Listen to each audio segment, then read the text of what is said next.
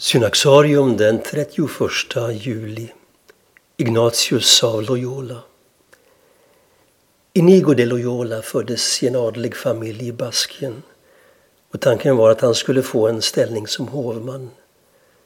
Själv drömde han om ett äventyrligt liv som riddare. Men hans bana fick ett helt annat förlopp. När Pamplona belägrades av fransmännen 1521 blev han sårad. Det blev en lång konvalescens och han fördrev tiden med att läsa de böcker som fanns till hands.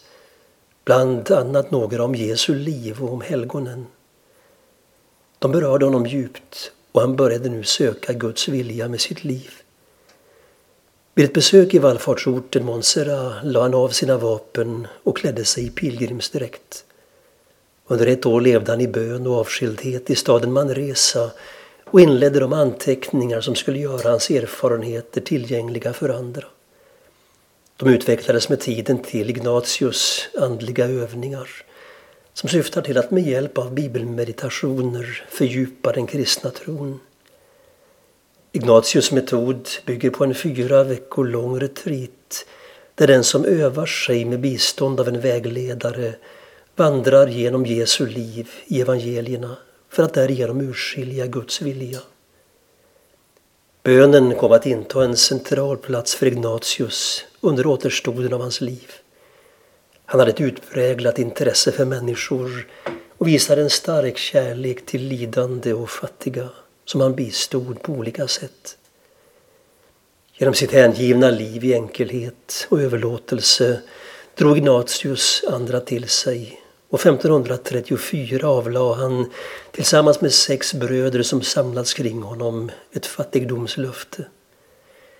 Gruppen tog namnet Compania di Jesus, Jesu sällskap. De begav sig tillsammans till Rom och i La Storta hade Ignatius en upplevelse av treenigheten som stärkte honom i hans kallelse. Jesus sällskap som vanligen kallas jesuitorden, stadfästes av påven 1540. Ignatius blev ordens första föreståndare och intill sin död var han verksam med att organisera och leda den. Den spreds sedan snabbt över Europa och utvecklades till en missionerande rörelse som fick inflytande i många delar av världen.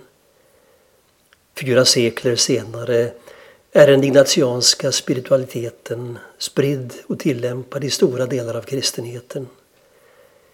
Ignatius viktigaste bidrag är hans betoning av urskiljning som ett redskap för att bättre lära känna Herren och lyssna till hans röst. Ignatius av Loyola dog den 31 juli 1556 i Rom där han är begravd i jesuitordens moderkyrka Il Gesù